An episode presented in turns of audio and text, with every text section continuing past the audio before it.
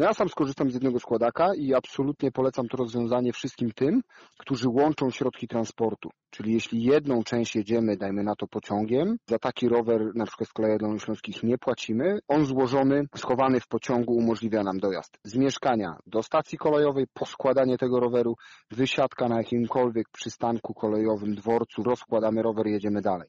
To jest tak naprawdę najszybsza forma przemieszczania się na duże odległości, gdzie początek i koniec robimy rowerem, a resztę jedziemy pociągiem.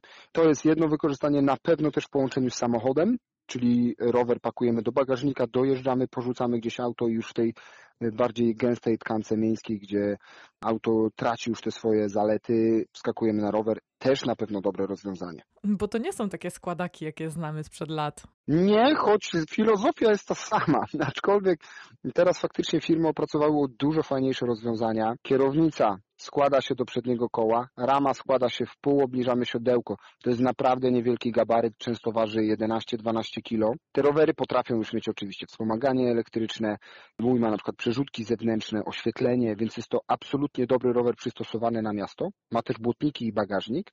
Na bagażnik zaczepiam sakwę, w której mam laptopa, więc jest to rozwiązanie w 100% umożliwiające dotarcie w komfortowych warunkach do pracy na przykład. Wspomniał Pan, że posiadają one wspomaganie elektryczne i właśnie to wspomaganie elektryczne wydaje się być czymś, po co coraz częściej e, sięgają rowerzyści klienci, no bo raz, że jest łatwiej, a dwa, że umożliwia to jednak na przykład takiej grupie jak seniorzy, którzy no jednak mimo wszystko mają albo przynajmniej mogą mieć problem z dotarciem rower, rowerem w wiele miejsc, no im ułatwia to jednak pokonanie pewnego dystansu, nawet y, dużych kilometraży w sumie. To dotyka Pani jednej z grup, bo jest ich dużo, dużo więcej.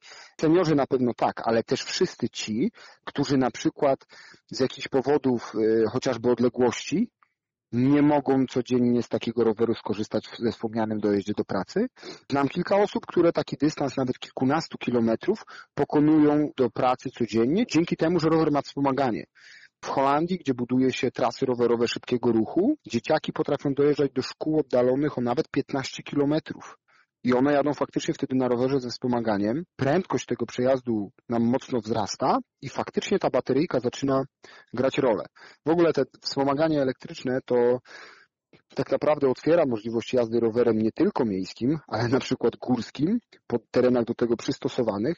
Znam wiele osób, które nigdy nie pojechałyby rowerem w góry, a dzięki temu, że miały przyjemność spróbowania tego na rowerze ze wspomaganiem, rozkochały się w jeździe, gdzie po prostu pod górę ten rower pomaga się dostać na sam szczyt, umożliwia też fajną jazdę do dołu, ta osoba się zmęczy, ale jednak ta bateryjka trochę jest takim wsparciem i pomocą. Także tu myślę, że zresztą to obserwujemy po rynkach. Olbrzymi wzrost sprzedaży rowerów ze wspomaganiem to jest środek transportu, który analizowaliśmy, rozwija się najszybciej ze wszystkich innych. Żaden inny nie, nie notuje tak wysokich sprzedaży rok do roku jak rowery ze wspomaganiem. Także to prawdopodobnie jest przyszłość.